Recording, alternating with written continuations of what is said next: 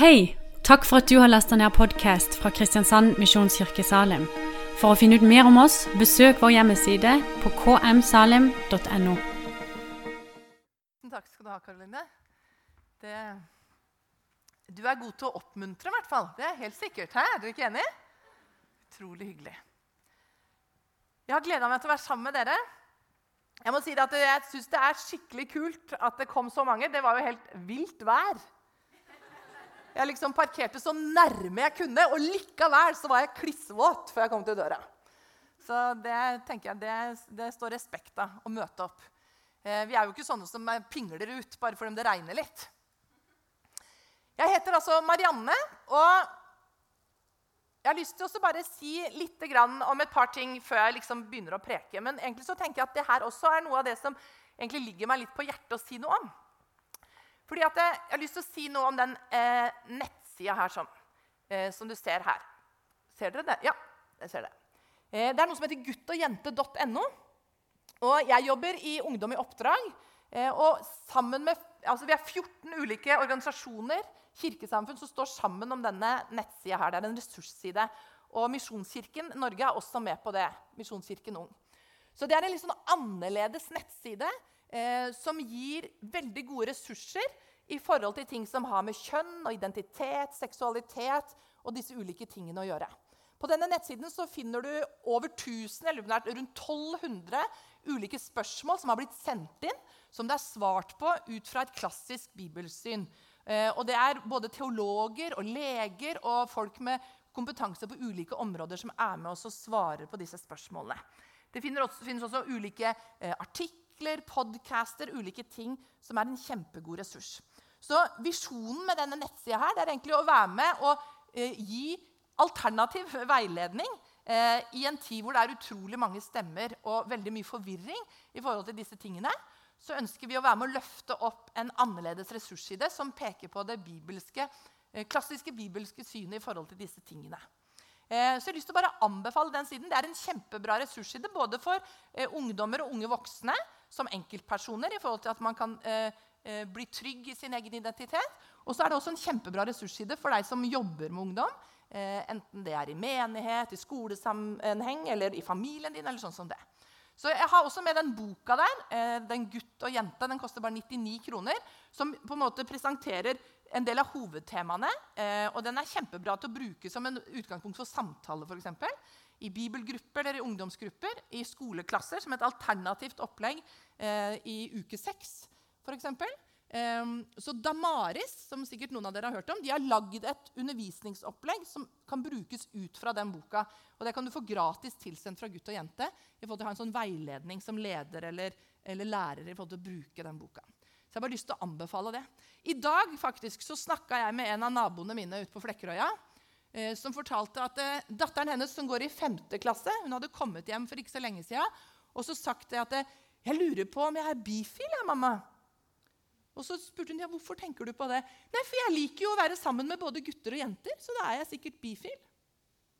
Jeg tenker at Det er et eller annet som eh, er litt av skaftet hvis femteklassinger skal på en måte trenge å begynne å tenke på det fordi de liker å leke med både gutter og jenter. Og Det er et sånn utrolig trykk på de tingene i samfunnet vårt i dag som gjør at jeg tenker vi må kunne snakke om det på en god måte. og Det er veldig viktig å møte hverandre med stor respekt og kjærlighet. Men også at vi må tørre å snakke om de tingene, eh, sånn at vi kan være til hjelp for hverandre. Så eh, da er anbefalingen her ved dit. Det er, er et sånt lite eh, bord der ute. Jeg jobber altså i Ungdom i oppdrag, eller Youth with a Mission, i Kristiansand, ute på Skjærgårdsheimen. Jeg ser flere kjente ansikter i salen her. Hyggelig å se dere. Ehm, vi jobber med mye forskjellig. disippeltreningsskole. Akkurat nå kjører vi en DTS som heter Destiny DTS. Det er 51 Stabo-studenter fra 14 forskjellige land som eh, eh, ja, søker Gud sammen. Det er kjempespennende. Og I januar så starter det en annen DTS som heter Revive DTS. Og så er det sånn at Ungdom i oppdrag er 50 år i Norge i år. Og det feires rundt omkring i ulike steder i Norge. Og her i Kristiansand eller i sør så skal vi ha en markering av det fredag 28. oktober klokka 7. Det skal være i Hånes frikirke. Det er et åpent arrangement for alle som vil. Det kommer Andreas Nordli og Alf Magnus og mange av oss som er i UiO her i Kristiansand. Det blir stor kakefest. og Eh, jeg tror det blir en bra kveld, så du er hjertelig velkommen til å være med på det hvis du vil. Så er jeg også med noen andre bøker der ute fra Proklamedia, som er UiO sitt forlag. Så Det er en, for en bok om å høre Guds stemme, som er veldig relevant i forhold til det vi skal snakke om i dag. Jeg har bare med noen få av hver. Og så er jeg også med en bok som heter 'Endelig fri', eh, som egentlig handler om det med porno. Eh, og hvordan vi kan både hjelpe hverandre og få hjelp sjøl til å bli satt fri i forhold til de tingene. Det er faktisk sånn at Norge ligger på verdenstoppen i forhold til forbruk av pornografi. Og bare nå For noen dager siden så snakka jeg med en ung dame i midten av 20-åra eh, som var helt fortvila eh, i forhold til å bære på skam. Jeg tenkte på det nå når vi sang noen av de sangene her, at, det, at, vi, kan, at vi, kan, få komme fram for Gud uten skam. Sant? Det er fantastisk det som Jesus har gjort for oss. Han vil sette oss fri fra skam og det som vil binde oss og holde oss nede. Hun hadde rota seg inn på sider med porno når hun var ni år gammel, og satt seg fast i det i mange mange år. Og Selv om hun var, hadde slutta med det for en god stund siden, så bærte hun fortsatt på veldig skam i forhold til det. Og så spurte hun om, om hjelp. Og så fikk jeg lov til å bare lese Guds ord for henne. sant? At når vi bekjenner våre synder, så er han trofast og rettferdig. Så han renser oss. Tilgir oss all skyld og renser oss for all urett. Sant? Det er ingen fordømmelse for den som er i Kristus Jesus. Og så fikk jeg lov å sitte og snakke med henne og be for henne. Og så når vi hadde snakka en stund, så, og jeg liksom bare talte Guds tilgivelse utover henne, at hun var fri fra skam og skyld, så, så, så hun på meg med tårer i øynene og helt sånn rusten stemme. Så sa hun, 'Er du sikker på det?' Og så kunne jeg få si det. Ja, jeg er helt sikker på det. Fordi det Jesus har gjort, det er nok for hver eneste en av oss. Så jeg tenker Vi må være så frimodige og snakke tydelig til hverandre. Og hjelpe hverandre å få et sånn vokabular også, at vi kan møte hverandre midt i den skammen og de tingene som vi sitter fast i. Det er kjempeviktig. Så Jesus, jeg har lyst til å takke deg fordi du er midt iblant oss. Og at du tåler hele livet. Du tåler alt det som vi er, og de som vi er, alt det som vi står i. Og nå har vi lyst til å bare fortsette å gi denne kvelden her til deg. Jeg takker deg for at du vil gå sammen med oss, at du har tatt bolig i oss, at vi aldri er aleine.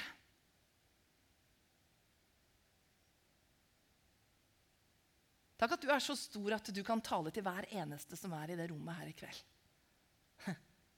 Enda så forskjellige vi er, og enda på så forskjellige steder vi er med deg og med livet vårt, så er du stor nok og personlig nok tale til hver enkelt og berøre hver enkelt. Og akkurat det ber jeg om at du skal gjøre. Gode Hellige Ånd. Bare øs ut ditt nærvær. Bare ta ditt ord og la ditt ord gå løs på oss og skape det det sier i våre liv. Det ber vi om i Jesu navn. Amen.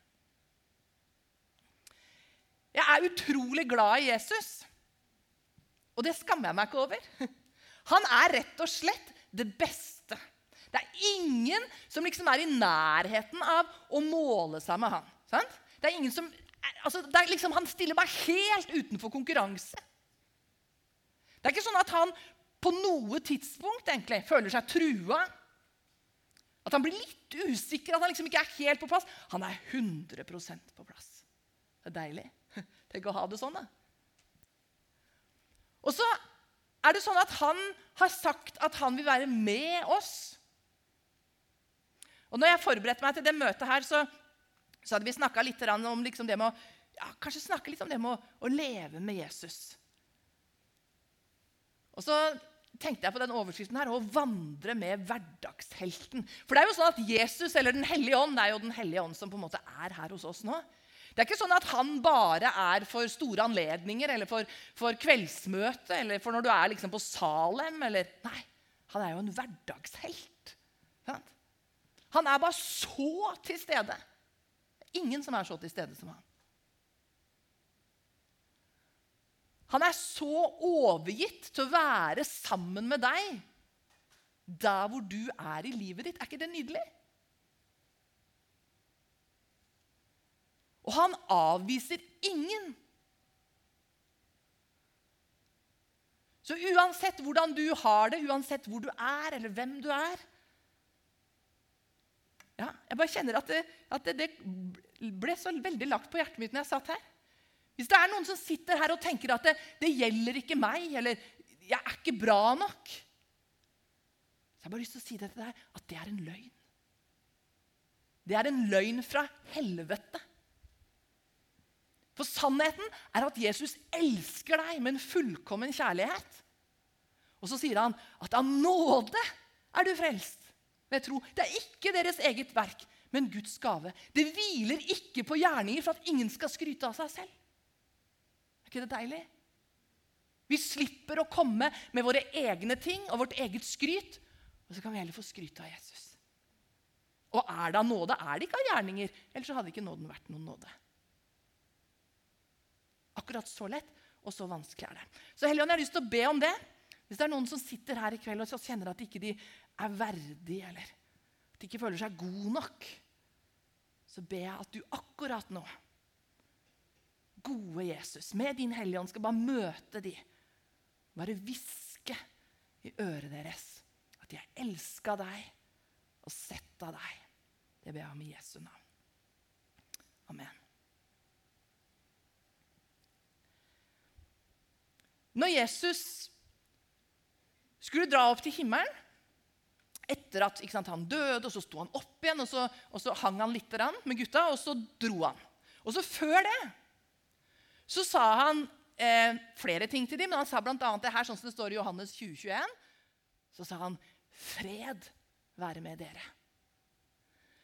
Som far har sendt meg, sender jeg dere. Så vi som tror på Jesus, vi er altså sendt på samme måte som han selv var sendt av far. Han sender oss ut i hverdagen, ut i livet, ut i verden. Og så sier han 'fred'. Er ikke det herlig? Fred være med dere. Jeg vet ikke hva du tenker, men jeg tenker det trenger vi, altså. Hallo, i 2022. Vi trenger å få gå med den freden og i den freden og være fylt av den freden. Men han sier altså at på samme måte som far sendte han, så sender han oss. Og så står det at vi som sier at vi er i han, vi skal også leve sånn som han levde. Så vi er altså sendt sånn som Jesus var sendt. Og så skal vi leve sånn som Jesus levde. Så vi er sendt for å leve sammen med han i hans fred, ikke i strev og kav. Det er viktig å få med seg. Men eh, hvis vi sier det, at vi er sendt sånn som Jesus var sendt, at vi skal leve sånn som Jesus levde, hvordan var det egentlig Jesus levde? Og det er lyst til å dele det verset her med deg som står i, Apostlenes gjerninger 1038. Jeg elsker det verset her. Bare se på det her, hva det står om Jesus. Det er ikke fantastisk? Her står det Jesus fra Nasaret ble salvet av Gud med hellig ånd og kraft. Og han gikk omkring overalt og gjorde vel. Hæ? Er det ikke fint? Og helbredet alle som var underkuet av djevelen. For Gud var med ham. Her står det egentlig utrolig mange viktige ting om Jesus. tenker jeg. Jesus var salvet med Den hellige ånd og kraft. Altså Han var fylt med Guds ånd, med Guds kraft. Og så står det at han gikk omkring overalt. Overalt. Han var til stede. Han var der folk var.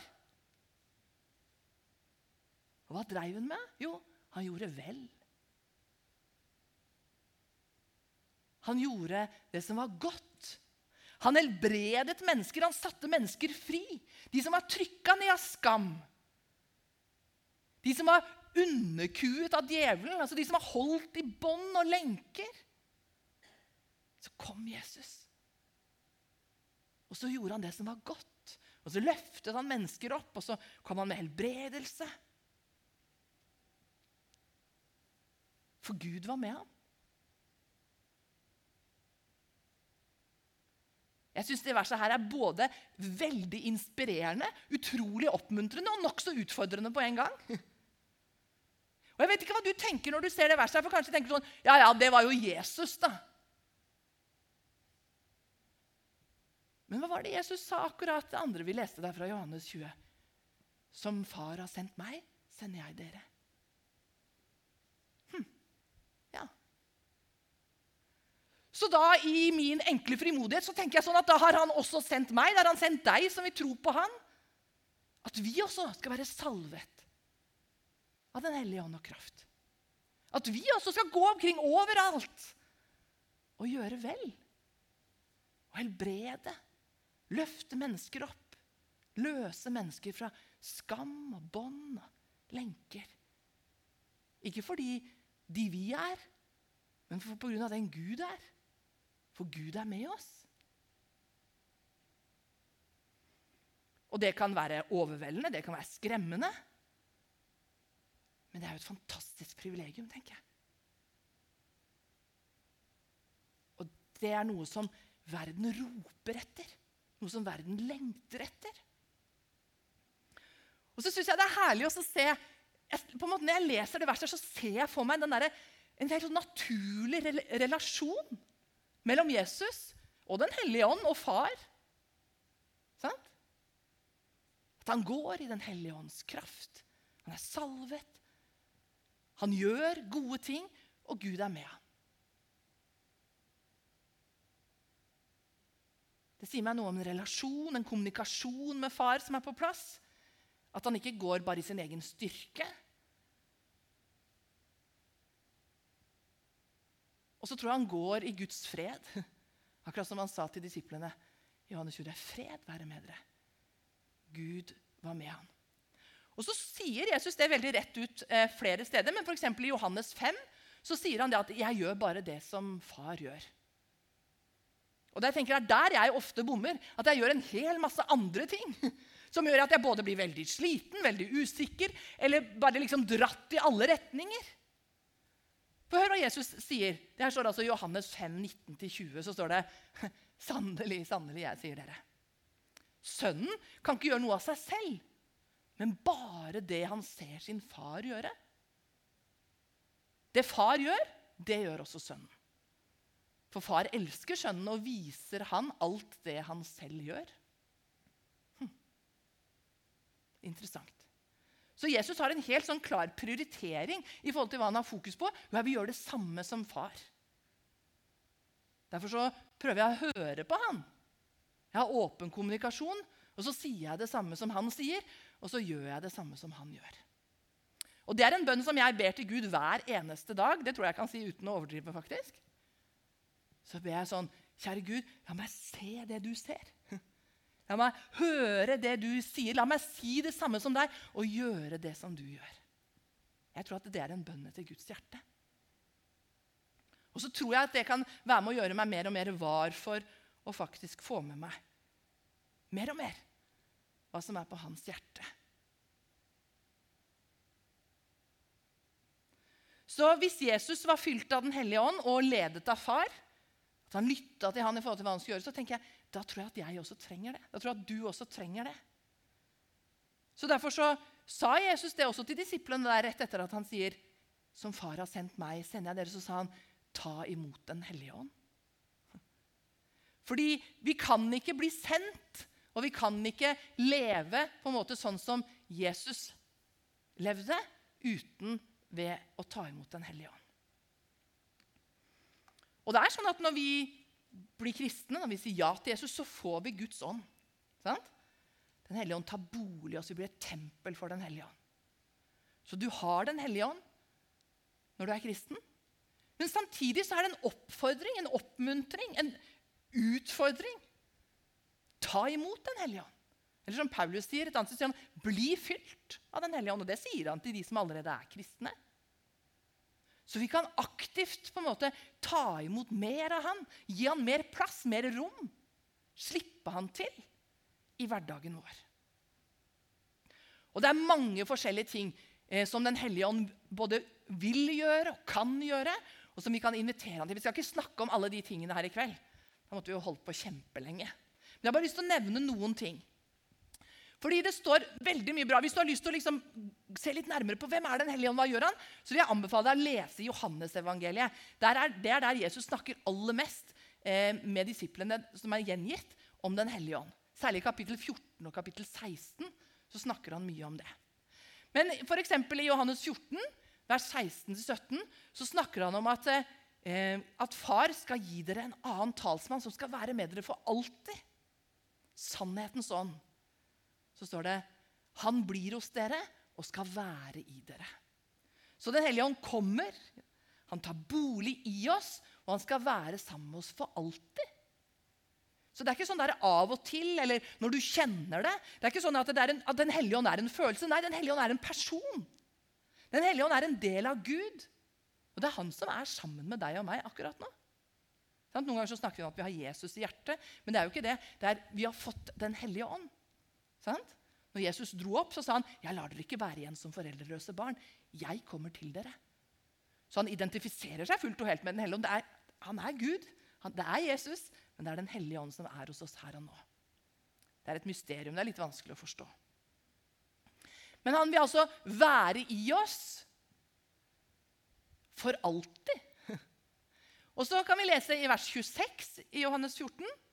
Så står det da talsmann Den hellige ånd som far skal sende i mitt navn, skal lære dere alt. Det er digg. Skal lære dere alt og minne dere om alt jeg har sagt dere. Jeg tenker at Det er en nokså krevende oppgave Den hellige ånd har fått. da. Han skal liksom lære deg alt, han skal lære meg alt og minne meg på alt det som Jesus har sagt. Da er det bra at han har peiling. Jeg tenker Det er jo en ekstrem kapasitet. En helt utrolig ressurs. Så tenker jeg, kjære Gud, må du hjelpe meg og minne meg på hvem du er. At du har tatt bolig i meg. Du som kan lære meg alt. Du som kan minne meg på alt det Jesus har sagt. Ta med en ting til også. Johannes 16, vers 13-15, så står det når sannhetens ånd kommer, skal han veilede dere til hele sannheten. For han skal ikke tale ut fra seg selv, men si det han hører, og gjøre kjent for dere det som skal komme. Han skal herliggjøre meg. For han skal ta av det som er mitt, og forkynne det for dere. Alt det som min far har, er mitt.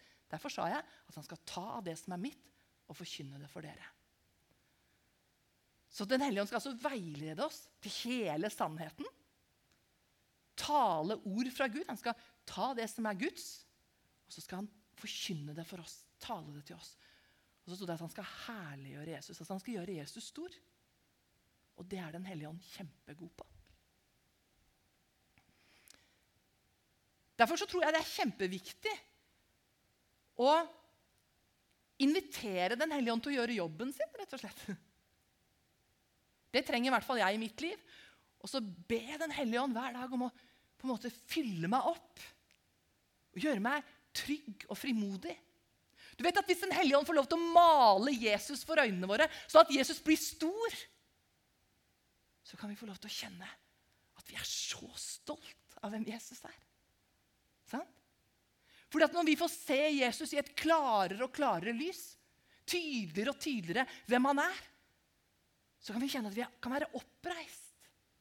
At vi kan få bli trygge i troa. At vi kan få ha frelsesvisshet. At vi kan vite at det Jesus har gjort, er nok. Det holder.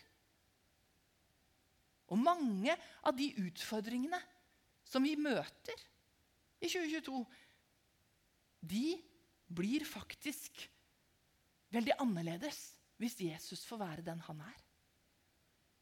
Det vil jeg påstå. Fordi Jesus er sannheten. Han er livet. Han er veien. Så når han får være stor, så får vi et annet perspektiv. Og Den hellige ånd vil være med å vise oss hvem Jesus er. Minne oss på alt han har sagt. Så da når Jesus sier at han sender oss sånn som far sendte han, og så sier han 'ta imot Den hellige ånd'. Med andre ord, du kan ikke være sendt til verden og bety en forskjell uten at du får hjelp av Den hellige ånd. Da blir det bare vårt eget strev, vårt eget kav. Sant? Vi kan godt bestemme oss for å oppmuntre. Veldig fint det som du sa i stad, Karoline. Det åpner oss å være bevisst for å oppmuntre hverandre. Og når vi da gjør det sammen med Den hellige ånd, ikke sant? så kan det bety en forskjell for menneskers liv. Det kan være det kan være et ord som endrer alt for noen.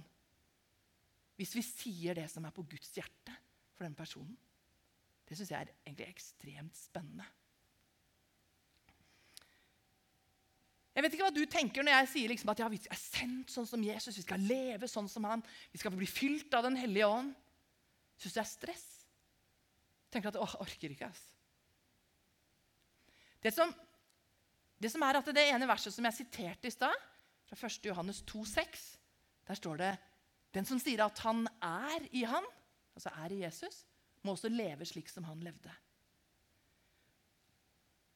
Men i grunnteksten der, da, på gresk, så kan det også oversettes Den som sier at han er i han, må også vandre slik Jesus vandret. Er ikke det deilig? Jeg liker det.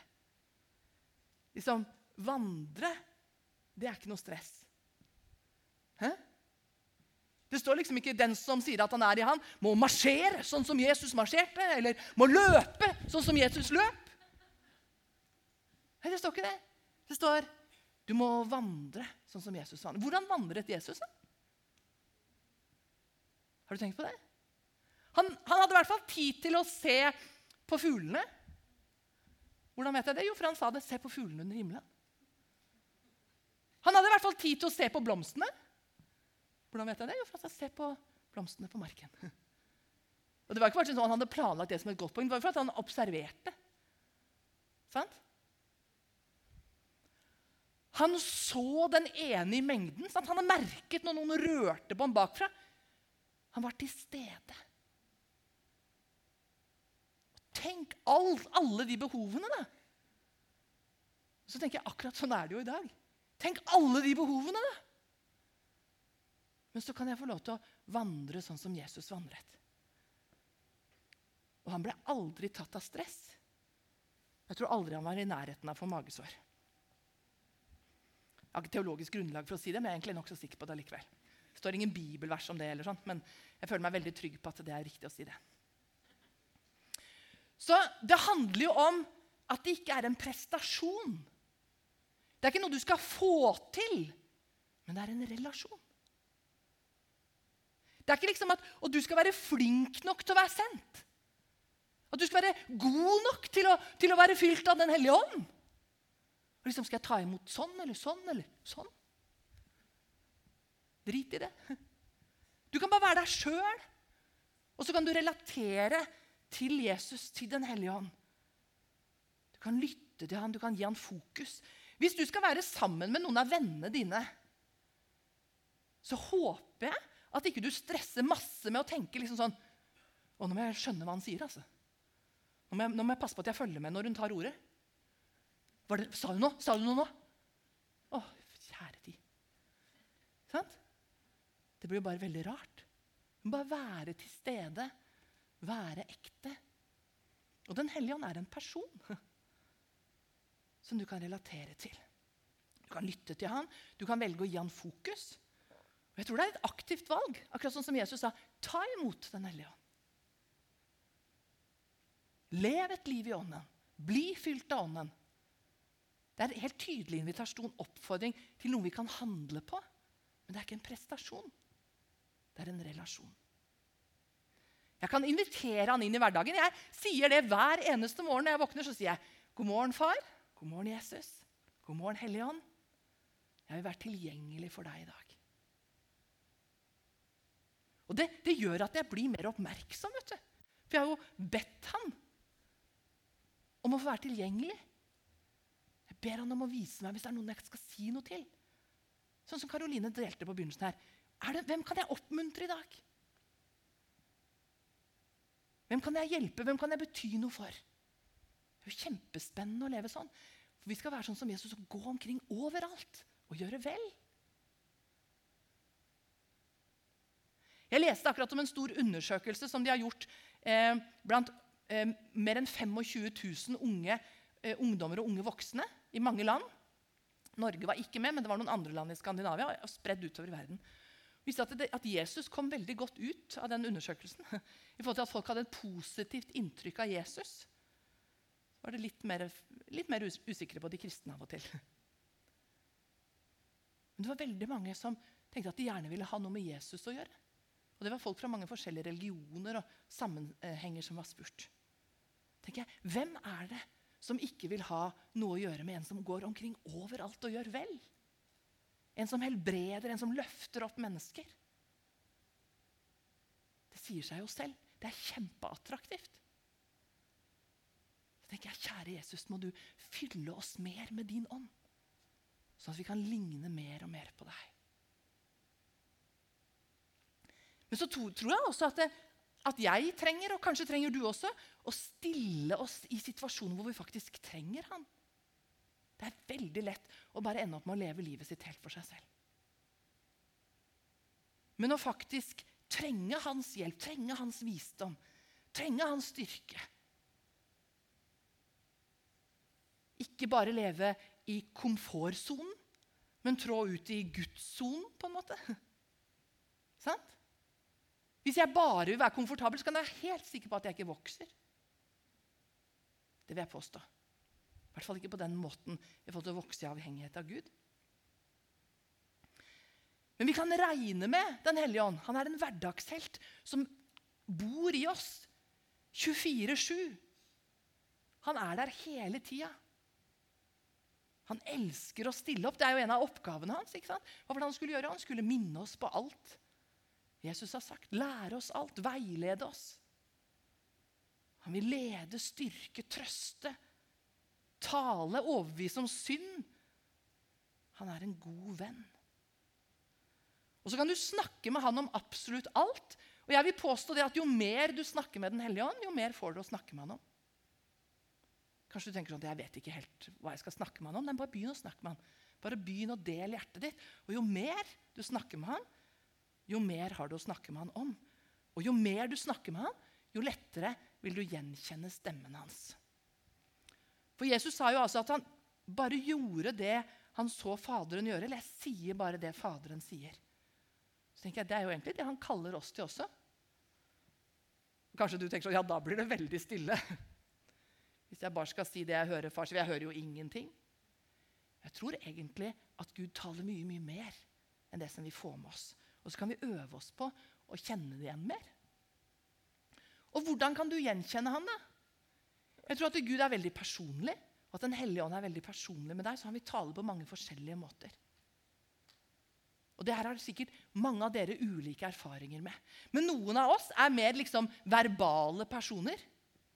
Sant? Sånn at Når du tenker eller når du forklarer ting, så er det ofte ord, det er setninger, det er tanker. Hvis du er en sånn som er mer sånn verbal, så vil også Den hellige ånd ofte tale til deg med ord. Ikke sant? Med en tanke, en setning. Ord på ulike måter. Noen er mer visjonære, at at de ser mer ting for seg. Og da vil kanskje Den hellige ånd tale til deg gjennom bilder. Eller ulike ting som på en måte illustrerer noe. Sant? Drømmer. Du, drømmer er ikke New Age. Drømmer, Bibelen er jo proppfull av drømmer. Sant? Gud taler masse gjennom det visuelle. Og det gjør Den hellige ånd fortsatt i dag. Eller kanskje du er mer emosjonell. Det høres jo kanskje litt sånn neg negativt helt styrt av følelser. Nei, det er ikke det jeg mener. Men noen er mer sånn at de plukker opp, de er mer var på at de kan kjenne på ting. sant? Du kan kjenne på en sorg eller en glede eller en smerte. Eller. Og det er også sånn Den hellige ånd kan tale. Hvis du er sensitiv i forhold til følelser. For Den hellige ånd vet jo hvem du er, og hvordan du er skapt. Han vet hvordan han lettest kommer i kontakt med deg. Så han kan jo snakke til deg på mange forskjellige måter. Men bare vær litt sånn oppmerksom på det. At ofte så henger det sammen med hvem du er som person. Også i det naturlige det er akkurat like naturlig i det åndelige. Det er også sånn at Gud kan tale gjennom omstendigheter. Du kan oppfatte Guds tiltale gjennom ting som skjer rundt deg.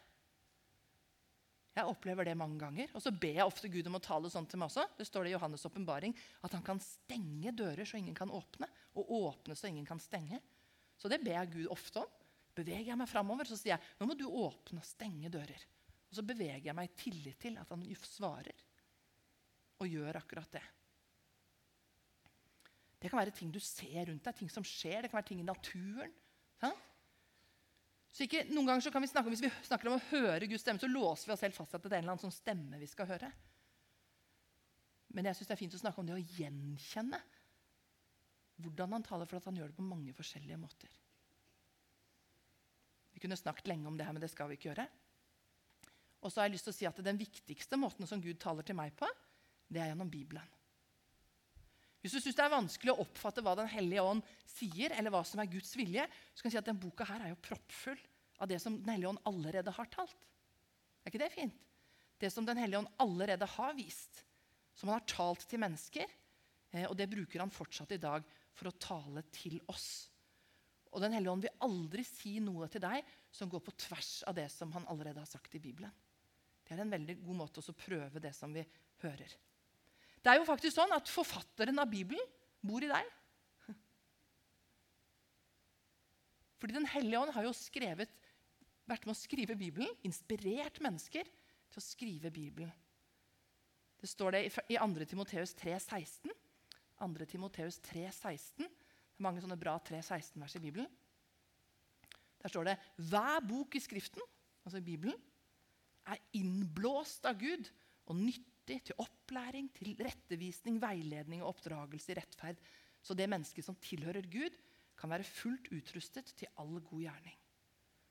Så Her står det altså at, at Guds ord er innblåst av Gud. Og det ordet 'innblåst' betyr det pustet med Guds ånd. Akkurat så på samme måte som Gud pustet inn i Adam, så han ble en levende sjel. Ikke sant? Og ordet for pust og ånd og vind det er egentlig de samme ordene både på gresk og hebraisk. Så det er Guds ånd som puster, og som har pustet liv inn i det ordet her. Så vi kan lytte til hans stemme gjennom hans ord. Nå skal jeg straks gå inn til avslutning her. Jeg har lyst til å si det at jeg tror at vi kan egentlig lære litt av den historien som står i Lukas 24. Om, da var det to stykker, to av disiplene, som var på vei til et sted som heter Emmaus. Kanskje kjenner du den historien. Det var like etter at Jesus var død. Og så hadde han stått opp igjen, og det gikk rykter, og, og, og folk var veldig liksom, usikre på hva egentlig skjedde. Og disse her to de gikk og snakket og diskuterte på veien. Liksom, de var skuffa. De hadde trodd at Jesus var den som skulle redde dem fra, fra de romerske okkupantene. Og så hadde det ikke skjedd. Liksom, nå var han død, og, var, og, nå sier noen at han har stått opp igjen. Og så står det at Jesus kom og slo følge med dem på veien. At de ikke kjente han igjen. Og så snakket Jesus, Han gikk altså sammen med dem og snakket med dem om det som skjedde i verden. Det som de var bekymra for. Så tenker jeg, Akkurat det gjør Jesus i dag òg. Han kommer, og så slår han følge med deg og meg. Og så snakker han gjerne med oss om det som skjer i verden. Og akkurat som han hadde kjempepeiling på det som hadde skjedd i verden akkurat da, for det står at han bare begynte å forklare alt for dem. På samme måte så vil han gå sammen med oss i dag og forklare oss hva som skjer. Skjønner du? Han vil gi oss visdom og innsikt. Og når de kom fram til der hvor de skulle, så, så lot Jesus som om han ville gå videre. Og så sa han nei, nei, nei, bli med inn. Han vil jo ikke trenge seg på, sant? men han er veldig åpen for å bli invitert inn. Og når han da kom inn, og de satte seg for å spise, og han brøt brødet liksom, når de delte måltid, altså hadde enda mer fellesskap, så plutselig kjente de han igjen. Ser du? Og så tenkte jeg på det. Så, så står det på sliden her. Når du inviterer han inn, så kjenner du han lettere igjen. Når de bare gikk sammen på veien og prata om alt mulig, så skjønte de ikke hvem han var. Så når de inviterte han inn, så kjenner du han lettere igjen. Og jeg tror egentlig at det handler om det. Vi kan gå med Jesus i hverdagen, men vi må invitere han inn. Og liksom ha fellesskap, ha måltid med han. Da vil vi lettere og lettere kjenne han igjen. Lettere og lettere høre hans stemme. Og så handler det egentlig om å øve seg. Jo mer fellesskap vi har med Jesus, vi har med Den hellige ånd, jo tydeligere og tydeligere eh, blir han. Og jo lettere og lettere kjenner vi igjen hva er det du ønsker å si, hva er det du vil at jeg skal gjøre i dag.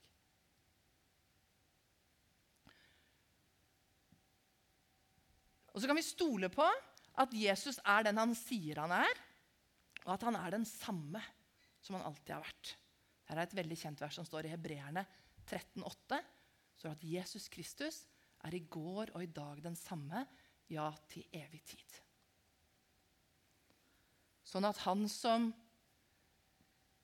gikk, han som var salvet av Den hellige ånd, salvet av Gud med hellig ånd og kraft, som gikk omkring overalt og gjorde vel, som helbredet mennesker, som var underkuet av djevelen fordi Gud var med han, han er den samme i dag.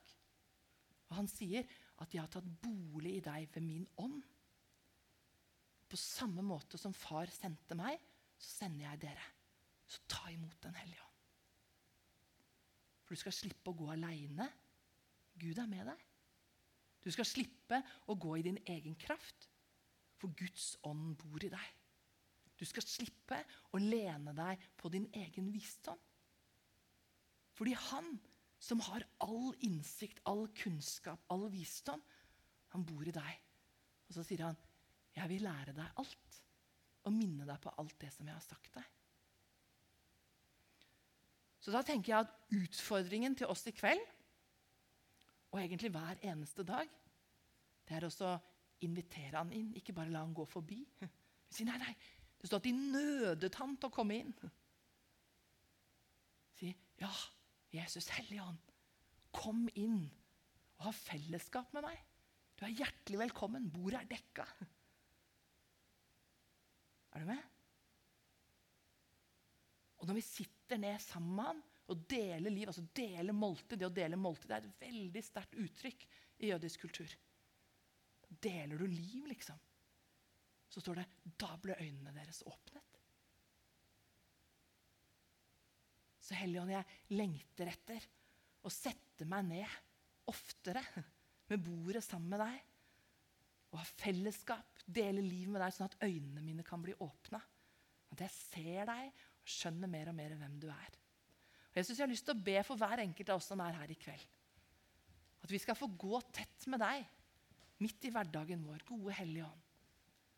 Og lytte til deg, gjenkjenne deg og gjøre det samme som deg. Si det samme som deg.